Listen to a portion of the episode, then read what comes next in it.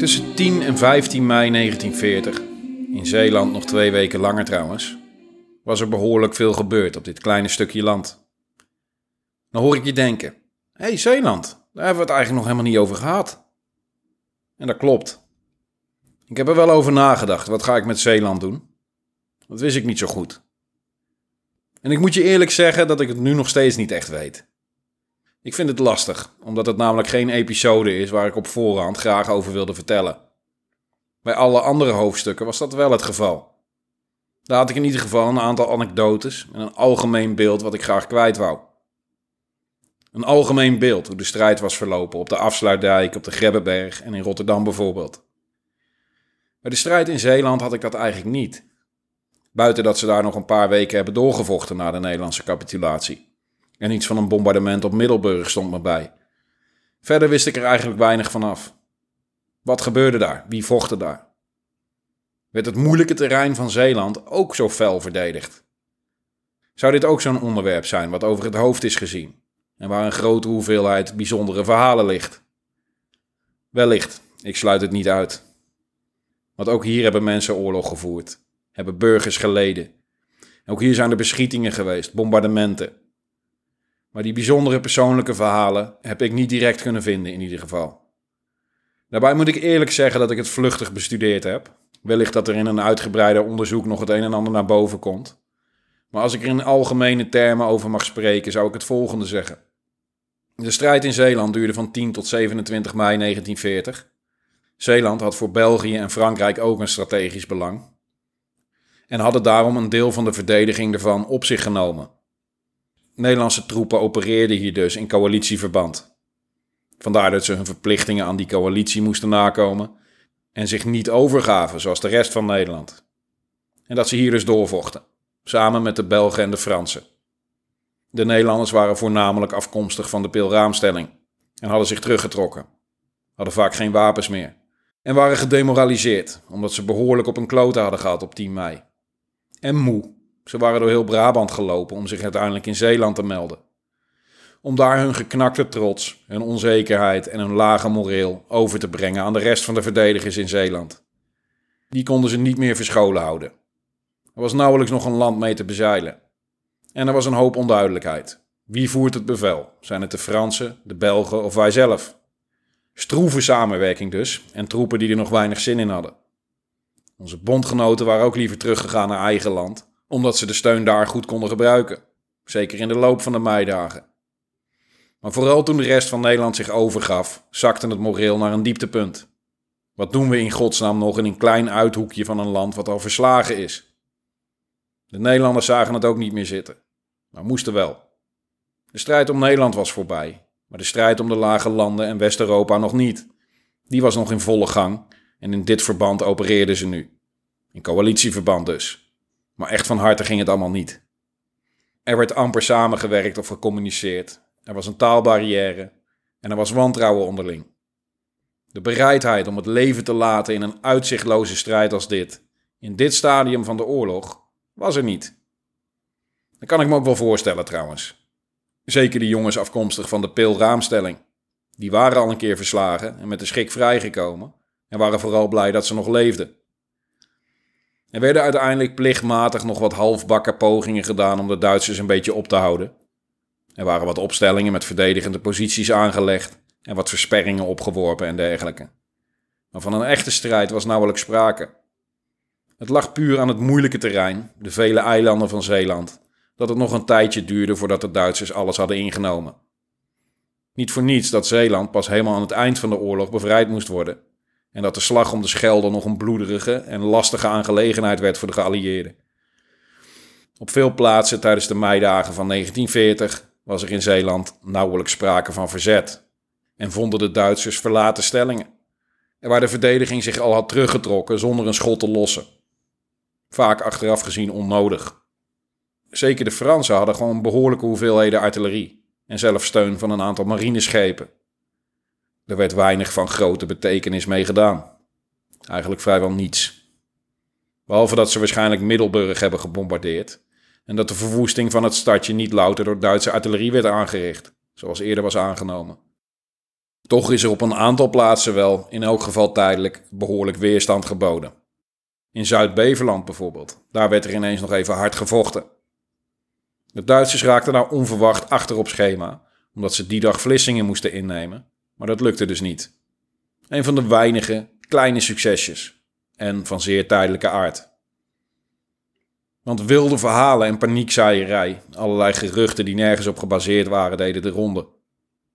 Angst trok door de gelederen en geen leider, geen officier die dit kon omkeren. Die een kop erbij hielden en de mensen in het gareel konden houden. Niet één helaas, van het kaliber kapitein Boers, of die andere kapitein Boers, of van overste Henning, of een luitenant Londo. Iemand die overzicht houdt, zich niet laat intimideren door de vijand en zich niet laat meeslepen door de angst van zijn mannen. En dat nekte de verdediging uiteindelijk. De posten werden verlaten en de mensen sloegen op de vlucht. Volledig onnodig wederom bleek achteraf. De Duitsers waren ruim in de minderheid en dus voorzichtig. Het verdere verloop van de slag om Zeeland zou meer van hetzelfde worden. Het gevoel wat mij bekruipt als ik erover lees is toch weinig verheffend. Kijk, van de Nederlandse troepen begrijp ik het nog wel. Die waren zoals gezegd moe, geschokt en vaak ongewapend. Dat waren tussen de 9 en 10.000 man. Maar de Belgen en Fransen hadden toch in totaal 50.000 man in Zeeland.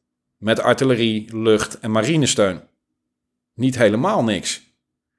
Op een serie van eilanden en waterwegen die goed verdedigbaar zijn. Tegen een vijand die een sideshow kreeg. Niet bepaald op het hoofdtoneel van Val Gelb mochten acteren. En die waren ook nog eens ruim in de minderheid, zo'n 11.000 man. Tja, dan zie ik toch wel degelijk mogelijkheden voor de verdediging. En als je dan naar de resultaten kijkt, dat je 400 dodelijke slachtoffers te betreuren hebt aan eigen kant en slechts 100 aan Duitse kant, dan heb je toch zoiets van: is dit het dan? Is dit alles wat ermee gedaan is? Je gaat mij niet vertellen dat je met die troepen niet iets meer had kunnen uitrichten. Excuses die we konden maken voor Nederlandse prestaties in de meidagen omtrent bewapening en munitiegebrek gaan hier in mindere mate op. Want je hebt hier in Zeeland onder andere te maken met de Fransen. Die hadden geen gebrek aan wapens. Dus het is een andere oorzaak geweest. Want het is al met al een vrij karige vertoning. Verklaarbaar door factoren die ik eerder noemde, maar desalniettemin karig. Zeer karig. Ik wil trouwens niemand tekort doen of onze jongens in Zeeland wegzetten als een stel prutsers of lafaards, want dat waren het niet.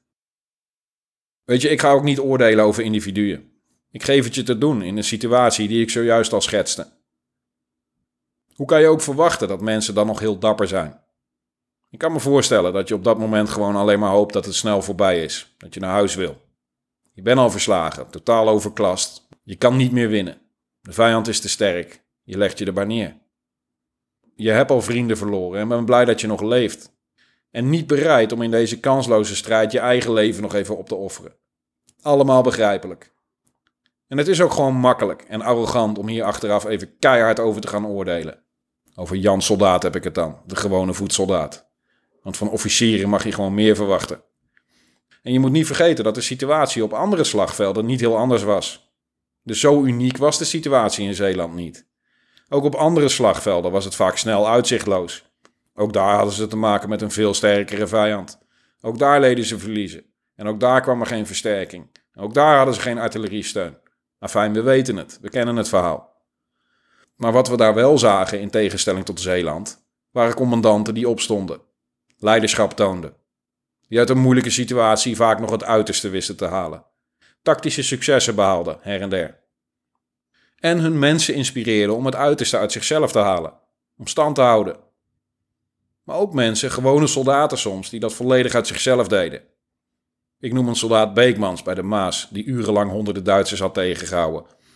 Ik noem de ad hoc initiatieven om de vliegvelden rond Den Haag terug te nemen. De mariniers bij de Willemsbrug in Rotterdam. De zeven pontoniers bij Moerdijk, die daar nog urenlang stand hielden.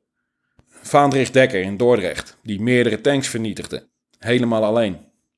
Ik noem een soldaat Michelbrink, een sergeant Hazenwinkel, een sergeant Veldkamp, een kapitein Gelderman en een major Landzaat op de Grebbeberg. Een kapitein Boers op de afsluitdijk. Een soldaat Pronk. En nog vele, vele anderen. Allemaal voorbeelden van mensen die above and beyond gingen. Meer deden dan je redelijkerwijs mag en kan verwachten. En dus zou je verwachten dat er ook een aantal van deze voorbeelden van zijn in Zeeland. En wellicht zijn die er ook wel, maar ik ben ze niet tegengekomen tot nu toe. Ik kan gewoon niet gaan volhouden dat ze het daar fantastisch hebben gedaan. De historicus Brongers kreeg ooit de vraag waarom hij geen boek uitbracht over de slag om Zeeland, terwijl hij alle andere strijdperken wel in detail had behandeld. Zijn antwoord was omdat daar geen eer aan te behalen valt. Ik moet zeggen dat ik dat wel begrijp. Er zijn inderdaad weinig lichtpuntjes, positieve uitspattingen te vinden. Kleine succesjes, effectieve momentjes, mooie anekdotes of heroïsche verhalen. En die zijn er in alle andere strijdperken dus wel te vinden. In overvloed zou ik zelfs willen zeggen. Moeten we dan de slag om Zeeland maar doodzwijgen? Moeten we een geschiedkundige selectie maken van de dingen die we graag willen horen? Nee, zeker niet. Net als dat we het in andere afleveringen ook niet alleen over de helden hebben gehad. Ook minder bijzondere prestaties hebben we behandeld. Want het is niet alleen een verhaal over helden, maar ook van al het andere. Van lafaards ook soms, hoewel ik die term niet graag gebruik. Maar momenten van paniek, gepruts en falend leiderschap zijn we niet uit de weg gegaan. En alles wat daartussenin zat. Van al die mannen die zich niet goed of slecht exceptioneel hebben onderscheiden, maar die gewoon hun plicht hebben gedaan. En dat is verreweg de grootste groep, het algemene verhaal. En dus vind ik dat we de strijd in Zeeland volledigheidshalve wel moeten behandelen. En dat hebben we bij deze dan ook gedaan. Het is gewoon geen onderdeel waarvan ik het interessant of leuk vind om het er lang over te hebben. Of waarvan ik graag elk detail wil onderzoeken. Daar valt in dit geval, zo is ook mijn conclusie, weinig eer aan te behalen. Niet zoals in de rest van het land. Want nogmaals, het is een vrij intense serie van gevechten geweest in korte tijd. Verhoudingsgewijs vielen er hier gewoon een hoop slachtoffers. Op de Grebbeberg bijvoorbeeld, hebben we het uitgebreid over gehad. Ik raad je aan om er eens te gaan kijken. Prachtig gebied om te wandelen ook. Het is eigenlijk maar een klein gebiedje van een paar vierkante kilometer waar duizenden slachtoffers zijn gevallen in een paar dagen tijd. Vergeet vooral niet om de erebegraafplaats met het bijbehorende museum te bezoeken. En sta even stil bij wat er allemaal gebeurd is. Er is hier meer gedaan met minder middelen dan in Frankrijk bijvoorbeeld. De Fransen werden en worden nog steeds gezien door een hoop mensen als een soort Nederland in het groot in 1940 dat de staat van de strijdkrachten net zo erbarmelijk was en dat ze gewoon niet beschikten over moderne middelen en dat hun leger in verval was. En dat ze dus logischerwijs gewoon niet op konden tegen die enorme, moderne Duitse oorlogsmachine. Het is echt een grote misvatting. Ze hadden een groter leger dan de Duitsers, beschikten over moderne apparatuur, hadden betere en meer tanks, meer artillerie en ongeveer evenveel vliegtuigen en de Fransen hadden het meest gemechaniseerde en gemotoriseerde leger op aarde. Op papier gewoon de sterkste landmacht van de wereld. Waar het ze wel aan ontbrak was fatsoenlijk leiderschap. Vooral op het hoogste niveau. Aan goede strategen. Net als bij ons trouwens. Want onze generaals presteerden ook niet geweldig. Maar daar zijn in ieder geval nog wat verzachtende omstandigheden voor aan te dragen. Ze moesten roeien met de riemen die ze hadden het doen met het materiaal en de mankracht die er was, en dat was weinig. Maar ook dan kan je stellen dat het allemaal niet geweldig was. Dat het optreden van onze legerleiding sumier was. Het hield niet over. Maar de mate van incompetentie van de Fransen was echt verbijsterend. De Franse generale staf bestond uit bejaarde fossielen, 19e-eeuwse reliquieën. Enige flexibiliteit of dynamiek ontbrak volledig zij hadden wel degelijk rekening gehouden met een Duitse aanval, want zij waren niet neutraal. Een groot deel van de Franse verdediging werd geconcentreerd aan de Frans-Duitse grens, bij de Maginot-linie. Het soort linie wat in de Eerste Wereldoorlog ondoordringbaar zou zijn geweest. Het is een gezegde dat generaals altijd proberen om de vorige oorlog te winnen, doelend op de stugge houding ten opzichte van innovatie bij veel militairen. Zeker als ze de vorige oorlog hebben gewonnen. Want waarom moeten we vernieuwen of veranderen? De vorige keer werkte het prima. Ook generaals zijn producten van hun tijd, geloven in oude doctrines zoals zij het geleerd hebben op de academie en houden zich daaraan vast. Stug, conservatief. En dat was hier ook aan de hand, bij de Fransen dus. En daar win je geen oorlog mee. Want de Duitsers waren minder conservatief. Die hadden een aantal drastische vernieuwingen ondergaan en hun doctrine volledig omgegooid. Daar kom ik zo op terug. Desalniettemin was de Maginot-linie een formidabel verdedigingswerk. Zware gewapend betonnen fortificaties, ondergrondse verbindingsgangen, aaneengesloten vuurlinies, prikkeldraadversperringen, mijnenvelden, tankgrachten, betonnen loopgraven, ondergrondse veldhospitalen en keukens, geautomatiseerd munitieaanvoer, zware artillerie en luchtafweergeschut, goede bezetting, reserves, panzerreserves achter de linies om eventuele doorbraken op te vangen, enzovoort enzovoort. Een betere stelling kon je niet treffen in 1940. Elke vijand, hoe sterk ook, loopt zich hier volledig stuk in een frontale aanval. Dus hoe zouden ze dit oppermachtige verdedigingswerk ooit kunnen verslaan? Wat kon er in godsnaam misgaan, zou je zeggen? Nou, dat de vijand er omheen gaat bijvoorbeeld. Dat ze zich helemaal niet gaan stuk lopen met frontale aanvallen, maar dat ze er rustig omheen rijden. De linie liep namelijk niet door langs de Belgische grens. Dat ze de enige zwakte die de Maginot-linie had, zouden benutten. En dat is precies wat de Duitsers deden. Wat ze in de Eerste Wereldoorlog eigenlijk ook deden. Namelijk het Schlieffen-plan volgen, via België Frankrijk aanvallen. In die zin was het Duitse plan gewoon niet heel anders dan de Eerste Wereldoorlog. Maar toen was de mobiliteit van de Duitse troepen nog niet op het niveau wat nodig is om de strategie te laten werken. Omdat ze niet de mogelijkheid hadden om doorbraken uit te buiten. In 1940 was de ijzersterke, gepantserde en gemotoriseerde Duitse speerpunt uiterst mobiel. Met die optie was geen rekening gehouden van Franse kant. Het was volgens de Fransen onmogelijk dat er een grote panzeraanval door de Ardennen zou komen. Alle indicaties dat het toch wel degelijk aan de hand was, werden van tafel geveegd. Luchtverkenningen maakten duidelijk dat de Duitsers de grenzen waren overschreden en grote vorderingen maakten. Maar generaal, de Duitsers zijn al bij Rijms, klonk het. Onmogelijk, was het verbijsterende antwoord van generaal Gamelin. En hier komt die matige of niet aanwezige flexibiliteit goed naar voren. Want, want de Duitsers namen namelijk een enorm risico met hun revolutionaire methode. Als de Fransen hier goed en adequaat op hadden gereageerd, was er weinig reden tot wanhopen geweest. Dan was het relatief eenvoudig geweest om de aanvoerlijnen te blokkeren en de Duitse speerpunten te isoleren. Maar de Franse legerstaf zag het niet. Of ze waren te trots om hun inschattingsfouten in een eerder stadium te erkennen. Volledig in de ontkenningsfase. Zoals ik al zei, vastgeroest in conservatieve dogma's. Niet in staat om zich nog ergens op aan te passen of flexibel te zijn. Of te luisteren naar de mensen onder ze. Want die, een aantal lokale commandanten, doorzagen het Duitse plan wel. En die wilden daarop anticiperen, maar dat konden ze niet. Want ze waren niet bevoegd om initiatief te nemen en moesten hun opdrachten krijgen van de legerstaf. Een probleem wat in Nederland trouwens ook speelde. De verouderde bevelstructuur.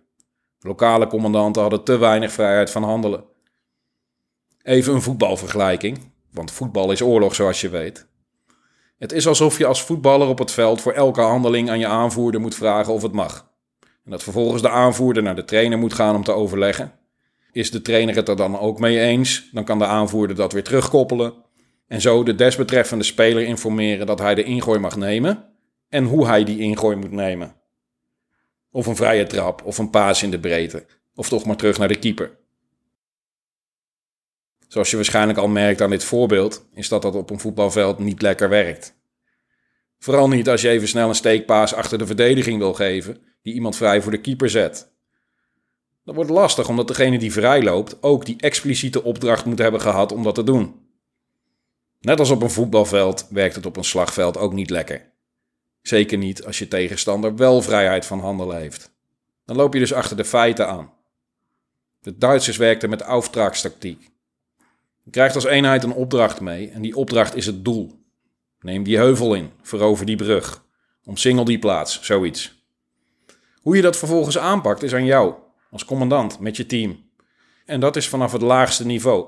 De sergeant leidt het gevecht. Die hebben al de tactische capaciteit om dit op te lossen. Ze handelen op eigen inzicht, maar in de geest van de commandant. Ze hebben hetzelfde doel voor ogen. Maar op de weg ernaartoe is er dus ruimte voor initiatief. Daarom werkt het ook zo goed. Er gaat een stuk vertrouwen van uit. Je vertrouwt als commandant op je mensen dat je hetzelfde doel voor ogen hebt en dat ze weten hoe ze moeten vechten. Tactisch capabel zijn. En dat je niet steeds een handje hoeft vast te houden. Deze methode werkt. Ik bedoel, je kan een hoop zeggen van die Duitsers. Je kan er een hoop van vinden. Maar op tactisch niveau presteerden ze gewoon uitmuntend. Niet voor niets dat deze methode nog steeds wordt gebruikt in alle moderne en goede legers. Decentralized command wordt het ook wel genoemd. Laat tactische beslissingen zoveel mogelijk over aan de mensen op de grond en hou je als stratege gewoon bezig met strategie. Net als in Nederland liepen de Fransen dus tegen enorme tactische beperkingen aan, die je door deze verouderde bevelstructuur krijgt. En net als in Nederland bleek ook hier de verdediging op de schouders te liggen van een handjevol patriotten. Ook hier werd er alles aan gedaan wat binnen de mogelijkheden lag. Ook hier vochten kleine groepjes tot het uiterste tegen een overmacht. En ook hier stonden ze er vaak alleen voor. Ook hier streden soldaten tot de laatste kogel en de laatste man soms. Het grootste verschil is dat het in Frankrijk helemaal niet had gehoeven. Het Franse leger was sterk, mobiel. Het beschikte over panzerdivisies, zware artillerie en een sterke luchtmacht. Het Franse leger had grote mogelijkheden. Maar in Frankrijk werden die grote mogelijkheden totaal niet benut. Het Nederlandse leger had geringe mogelijkheden. En uit die geringe mogelijkheden werd soms nog het uiterste gehaald. De Duitsers hadden ook wel het momentum. Die hadden de wind in de zeilen. Alles lukte. Die walsten in korte tijd alles plat onder hun lederen laarzen. Daar zou pas een paar jaar later, diep in de Sovjet-Unie, verandering in komen. Voor die tijd waren ze niet te stoppen. Onverslaanbaar. Althans, zo lijkt het. Achteraf. Want veel van hun militaire successen hadden een flinke geluksfactor nodig, namelijk. Waren een behoorlijke gok. En sterk afhankelijk van een falende tegenstander. Het Duitse leger was tactisch bijzonder sterk, maar strategisch minder. In de loop van de oorlog zou dat alleen maar erger worden, naarmate Hitler steeds meer ging micromanagen. Hij was namelijk echt in zichzelf gaan geloven als groot strateeg. Daarbij vertrouwde hij vrijwel niemand, dus deed hij het liever allemaal zelf. En Hitler was niet de enige die in zichzelf ging geloven. Succes in Frankrijk had zelfs de grootste sceptici in de generale staf doen bekeren. Dat vertrouwen, dat geloof, zou nog de rest van de oorlog blijven doorwerken. De Führer zal het wel weten. Weet je nog dat we in Frankrijk ook dachten dat het onmogelijk was? Toen dachten alleen hij en von Manstein in eerste instantie dat het kon. En dat werd een doorslaand succes. Dus heb vertrouwen, het komt goed. Want een doorslaand succes was het.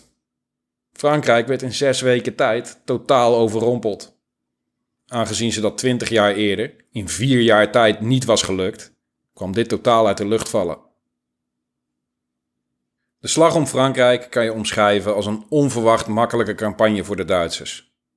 De slag om Nederland als een onverwacht lastige. Want makkelijk ging het de Duitsers in Nederland niet af. De menselijke en materiële verliezen overstegen ruimschoots de voorspellingen van de aanvallers. Ook werd er met verbazing en bewondering gesproken over het moreel van de Nederlandse troepen, die ondanks de uitzichtloze situatie serieuze weerstand boden. In elk geval is door het merendeel minimaal de militaire plicht vervuld, vaak meer dan dat. In die vijf dagen werd 34 keer de militaire Willemsorde uitgereikt, regelmatig postuum. Bijna allemaal op de grote slagvelden, Rotterdam, Den Haag, Dordrecht en de Grebbeberg. Een enkeling elders. De hoogste militaire onderscheiding krijg je niet zomaar. Dan moet onomstotelijk vaststaan dat je uitstekende daden van moed, beleid en trouw hebt getoond. Is niet alleen dapper, verstandig of loyaal, maar al deze elementen moeten aanwezig zijn. Neem als voorbeeld die aanval van major Jacometti op de Grebbeberg. Een daad die getuigt van enorme moed. Maar ook een die verder niets had opgeleverd. En zelfs als enigszins roekeloos kan worden omschreven. En dus ook niet beloond werd met een Willemsorde. Omdat hier namelijk het element beleid ontbrak. Aan zijn moed en trouw hoeven we niet te twijfelen, denk ik. Jacometti kreeg een bronzen leeuw, een andere hoge dapperheidsonderscheiding. Maar 34 keer de Willemsorde, tussen 10 en 15 mei. Er zijn in de meidagen dus genoeg helden geweest. Voorbeelden van lafheid of plichtsverzuim waren er ook. Die van sergeant Meijer bijvoorbeeld. Je aflevering 10 hebt geluisterd, weet je dat ongetwijfeld nog wel. Hij had op eigen houtje zijn post verlaten en had zich teruggetrokken zonder een schot te lossen. En later vonden ze hem terug in een café in Luna aan de Vecht. Hij werd gearresteerd en hij is de enige militair die standrechtelijk was geëxecuteerd door eigen troepen in de meidagen aan de Nederlandse kant.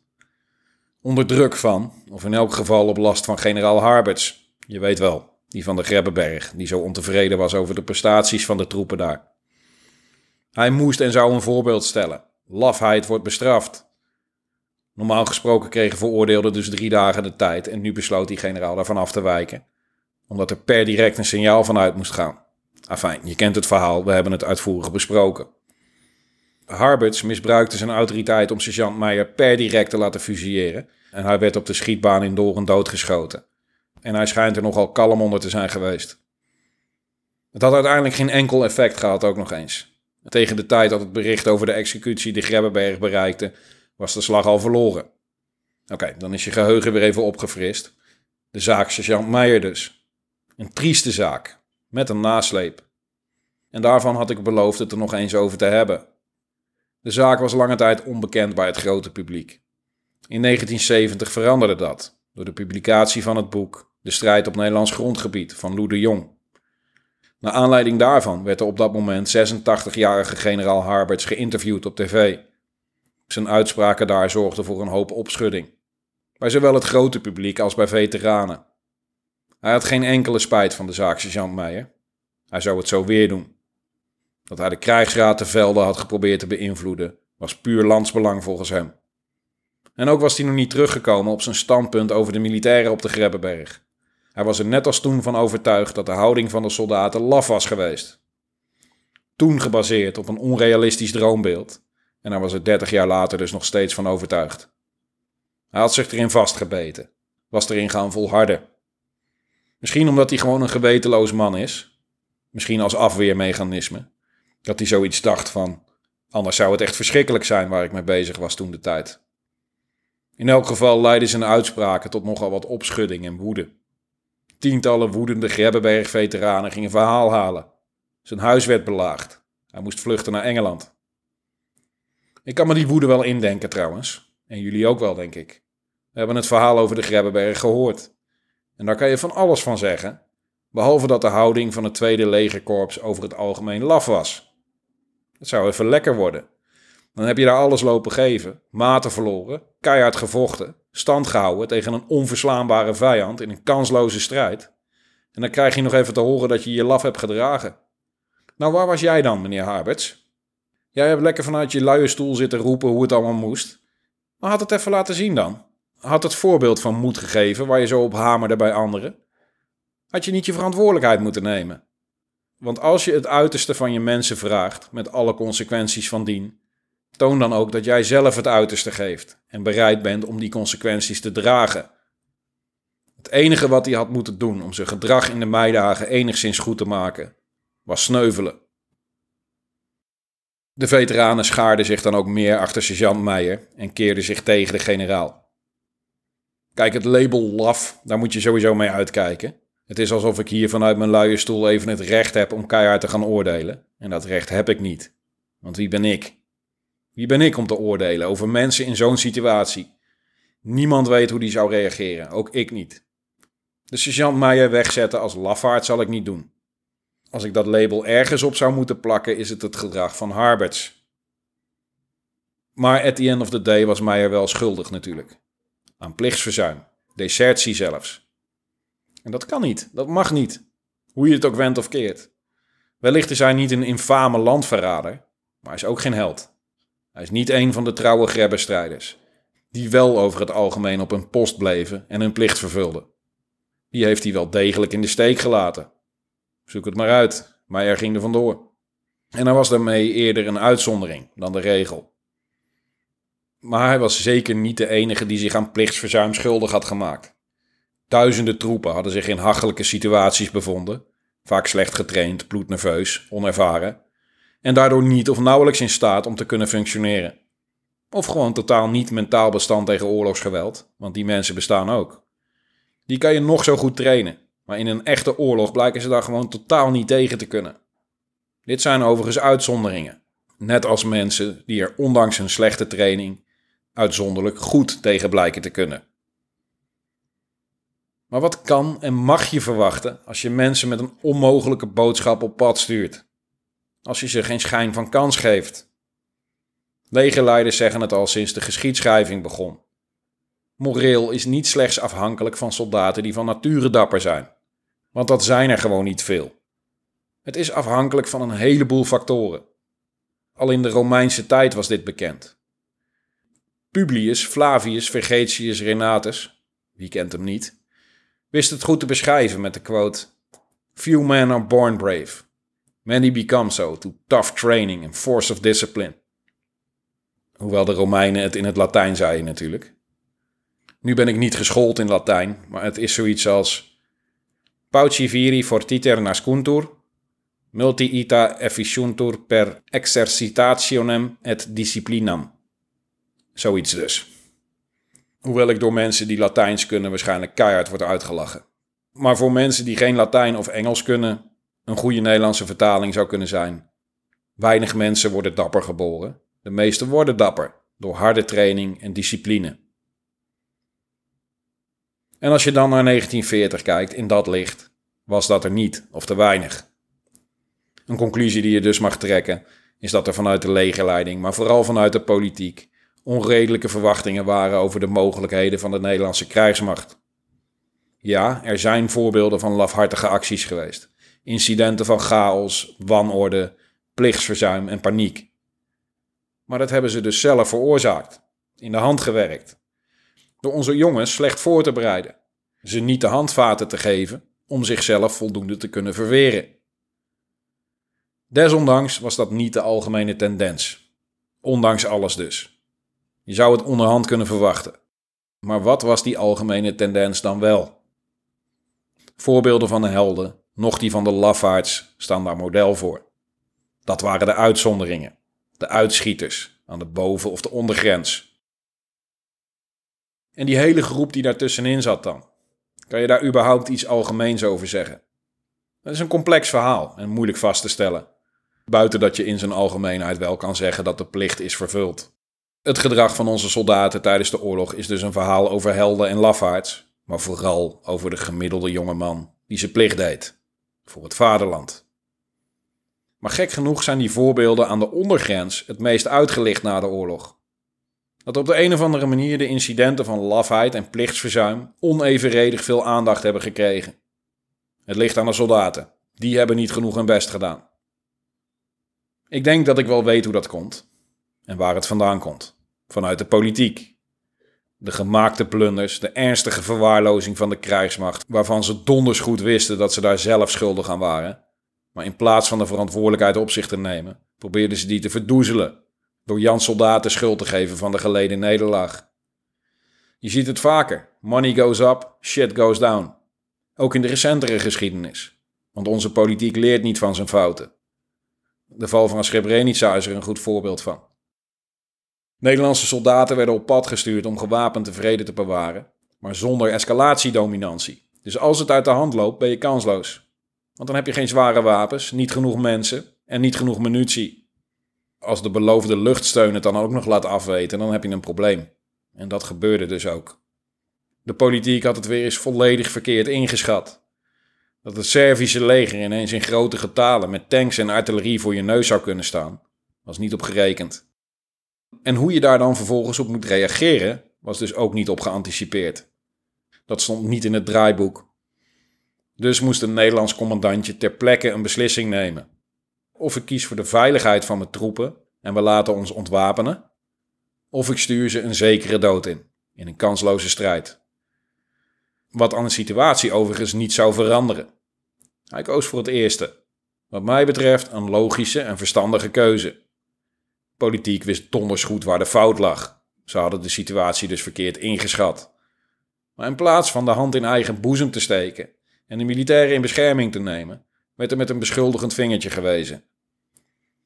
Snel je eigen straatje schoonvegen en zorgen dat de focus op iemand anders komt te liggen. In dit geval op luitenant-kolonel Karremans. Zijn kop moest rollen. Liever die van hem dan die van mij, moeten de echte verantwoordelijken hebben gedacht. Het is ook nogal wat, zo'n debakel dat door jouw beslissingen en inschattingsfouten indirect een genocide werd gefaciliteerd. Tragisch natuurlijk voor alle betrokkenen, ook voor de militairen, die er achteraf weinig aan hadden kunnen doen. Ik kan me goed voorstellen dat Karamans en zijn mannen er desondanks van wakker hebben gelegen. Was dit de juiste beslissing? Hadden we niet toch iets moeten doen? Niet voor niets dat een groot aantal Srebrenica-veteranen psychische klachten heeft, tot de dag van vandaag. PTSS, posttraumatische stressstoornis. Het iets niet kunnen doen, die machteloosheid is vaak het ergste. Die werkt het langste door. Het is een heftige en moeilijk te verkroppen situatie voor ze geweest. Niet in de laatste plaats, omdat ze nog even de zwarte Piet toegespeeld kregen dus. Overigens wisten de Nederlandse militairen op dat moment niet wat er met de gevangen burgers zou gaan gebeuren. En al hadden ze dat wel geweten, dan heeft het alsnog geen zin om met een handjevol Nederlanders ritueel zelfmoord te plegen. Want dat is waar het op neer was gekomen. Daarbij waren ze daar niet om te vechten, maar om de vrede te bewaren. De conclusie is dat je als politiek je mensen nooit zo op pad mag sturen. Niet voor niets dat er uiteindelijk excuses kwam van de Nederlandse regering. Na een kwart eeuw. 25 jaar miskenning en ontkenning. En dan uiteindelijk sorry zeggen. Ja, nee, sorry man, we hebben jullie toen laten stikken. Opvallend genoeg kwamen de excuses wel pas op het moment dat er niemand meer politiek actief was die er toen verantwoordelijk voor was. Maar goed, er kwamen uiteindelijk excuses. En die zijn na 1940 uitgebleven. De politieke handen werden in onschuld gewassen en men vond dat onze jongens wat al te lichtvaardig waren omgesprongen met hun taak. Zij hadden waarschijnlijk verwacht dat Jacometti met zijn 40 man in de blanke kleebang de SS-regimenten wel even van de Grebbeberg af zou slaan. Zij hebben onze jongens zwaar in de steek gelaten. Kijk naar wat ze alsnog gepresteerd hebben in die paar dagen. Kan je nagaan waar ze toe in staat waren geweest als ze de middelen was aangereikt om ook echt iets te kunnen uitrichten. Want dat is toch wel een opvallend terugkerend thema door de hele meidagen. Op alle slagvelden, als je de verhalen hoort. Het opvallend hoge moreel, de wil om te vechten, de positieve instelling die ze vaak hadden. Als je mensen met zo'n instelling, die vaderlandsliefde, dat eergevoel, dat plichtsbesef, beloont met goede wapens, sterke verdedigingswerken en goede training, heb je een heel ander verhaal. Dan hadden zij ons land kunnen verdedigen tot het uiterste. Misschien wel succesvol. Ik vind dat je het soldaten verschuldigd bent om ze een kans te geven. Het is gewoon niet eerlijk om mensen die zich zo voor je inzetten, zo in een hem te laten staan. Maar goed, het is en blijft gissen natuurlijk. Wat als? Want dat weet je dus niet. Er zijn geschiedenisfans die het heerlijk vinden. Lekker speculeren over de vraag wat als. Ik heb mijn bedenkingen erbij, ondanks dat ik het ook vrij leuk vind om te doen. Maar pas op met mensen die met volle overtuiging hun alternatieve geschiedenis lopen te prediken, alsof het feiten zijn. Vaak de enorme complexiteit van de oorlog over het hoofd ziend. Het is allemaal zo simpel. Het zou allemaal zeker zo en zo zijn gegaan. Wie weet, jij zegt het. De theorie zal nooit meer op de proef gesteld worden in ieder geval, dat weten we zeker. Vooral over Hitler en de Duitsers heb je er veel. Als die Moskou had gepakt, dan hadden de Duitsers gewonnen. Als die Engeland niet had aangevallen, hadden ze vrede kunnen sluiten met Churchill. Als ze meer Tiger tanks hadden gehad, of MP-44's, of eerder straalvliegtuigen, enzovoort, enzovoort. Allemaal gelul in de ruimte natuurlijk. Wie weet is het allemaal waar, maar we zullen het nooit weten. Desalniettemin kan het, mits onderbouwd met uitgebreide kennis, natuurlijk best geinig zijn om te speculeren. Bijvoorbeeld over de vraag wat als Nederland in 1940 tot de tanden bewapend was en een leger van 600.000 soldaten had? Hadden de Duitsers ons dan ook aangevallen? Dat is natuurlijk wel een interessante vraag. Mijn doorlopende aanklacht door dit hele verhaal heen staat daarmee in verband. Want dat zou namelijk betekenen dat we door preventieve maatregelen de Duitsers hadden kunnen afschrikken. En dat we nu gewoon de achterdeur hebben open laten staan. Net zolang tot er iemand binnenkwam. En dat we het dus allemaal hadden kunnen voorkomen. En wie weet, ik schat zo in dat de gelegenheid ook in dit geval de dief heeft gemaakt. In 1938, tijdens een oefening, had een Duitse waarnemer het Nederlandse leger een grap genoemd. En niet eens een goeie. Volgens mij had ik die al aangehaald in de voorgeschiedenis. Maar het is een goed voorbeeld van hoe er naar onze krijgsmacht werd gekeken. Ik denk dat de Duitsers ons dus even mee hebben gesnakt. Gewoon omdat het kon. Wat trouwens ook een interessante vraag is om over te speculeren. Wat nou als we goed bewapend en getraind waren en de Duitsers hadden ons alsnog aangevallen? Wat zou er dan gebeurd zijn? Hoe zou de strijd er dan hebben uitgezien? Maar dat is fictie, alternatieve geschiedenis. Wellicht iets voor een andere keer. Laten we het voor nu even bij de echte geschiedenis houden, bij de realiteit, want Nederland was zeker niet tot de tanden bewapend. Ze moesten het in zelfgegraven loopgraven met een hembrugkarabijn het maar lekker uitzoeken verder. Alles wat ze verder nodig hadden, heeft de politiek verzuimd om te regelen. Of ze waren te laat, of ze namen het niet serieus, of het interesseerde ze gewoon geen fuck. Maar we eisen achteraf wel even je uiterste inzet. Ja, nog even. Ik vind in het geval van dit soort nalatige politici executies voor hoogverraad of plichtsverzuim beter op zijn plaats dan voor een sergeant die de fout ingaat. Helaas hebben diezelfde politici de publieke opinie over het optreden van de krijgsmacht weten te beïnvloeden. Negatief weten te beïnvloeden. Dit leidde tot een vertekend beeld onder burgers, die er vaak onterecht neerbuigend of lacherig over doen. Het stelde allemaal niks voor, we waren zo verslagen, onze soldaten gaven zich snel over. Kijk, in het grote verhaal van de Tweede Wereldoorlog stelt het natuurlijk ook allemaal niet veel voor. Dat is ook zo. Het was een kleine campagne in het begin van de oorlog. Maar als er duizenden landgenoten hun leven laten voor de vrijheid, dan vind ik dat niet niks. Dat stelt wel wat voor. En ja, toen waren we dus bezet. En veel Nederlanders, de zwijgende meerderheid zal ik maar zeggen, keken na de capitulatie in eerste instantie de kat uit de boom. Ze keken het even aan. En zo werkt het vaak bij een groot deel van de bevolking. Zolang zij en hun dierbaren te eten hebben, zien ze geen reden tot verzet. Pas toen de situatie grimmiger werd in Nederland, door de steeds strenger wordende Duitsers en de invoer van rassenwetten, groeide ook onder die groep het verzet. In de loop van de oorlog, en zeker na de geallieerde invasie van Normandië, waren de Duitsers aan de verliezende hand. Dit gaf de burger moed. Veel besloten dat het dan ook tijd was om zelf deel te nemen aan de strijd. De wrok en frustratie over de jarenlange bezetting, de machteloosheid die mensen voelden ten opzichte van de Duitsers, speelde een rol. Wraakgevoelens dus.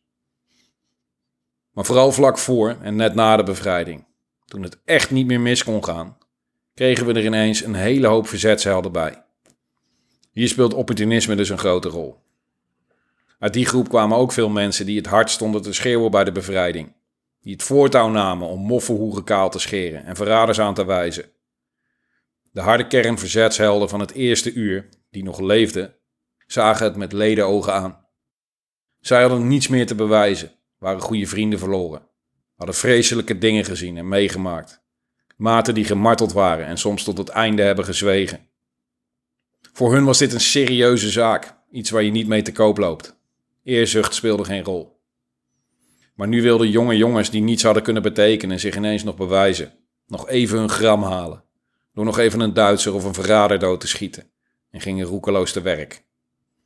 En de Duitsers schoten terug, ook na de overgave.